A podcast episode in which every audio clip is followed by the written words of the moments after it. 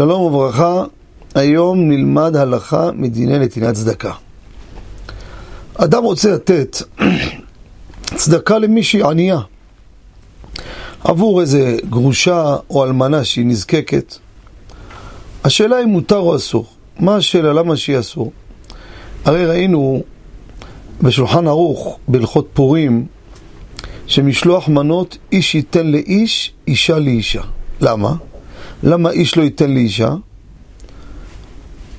אומר השולחן ערוך, שמא יבוא ייתן לאיזה אלמנה או איזה גרושה וחוששים לקידושין. קידושין, תן לה, להגיד, שמע, המתנה נתן לה, אולי עבור קידושין התכוון. אז לכן אמרו, לא נסתבך, לך תדע, זה יגיד מה חשב, אומר, נותן לה את זה לשתהיה אשתי, נסתבך, לא פשוט. לכן, עזוב, אתה רוצה לתת לה, אשתך תיתן לה. תבקש מאיזה מישהי שתיתן לה. אפילו תן לאיזה שכנה או לביתה, תתני לה. אז מה, האם ככה לא ניתן צדקה לאישה? הלכה למעשה, הפרט הזה שאיש לא ייתן לאישה נאמר אך ורק משלוח מנות. למה? משלוח מנות זה מתנה, זה לא צדקה.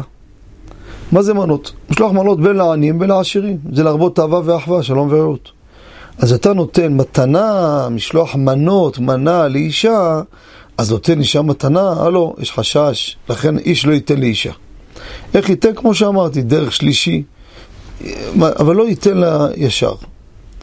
אבל אם זה בתור נתינת צדקה, כמו מתנות לאביונים, או סתם צדקה רוצה לתת, לא משנה אם זה כסף או אוכל או חפץ. מביא לאיזה אלמנה מסכנה טפ חדש מתנה.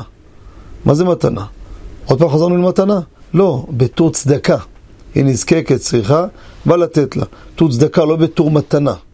יש מתנה בתור יוקרה, בתור אה, הערכה, בתור... אה, זה לא בתור נזקק, לא בתור צדקה. כשזה ניתן נתינה של צדקה, זה, אין בזה שום חשש ואין מה לחשוש ומותר הדבר לכתחילה. תודה רבה וכל טוב.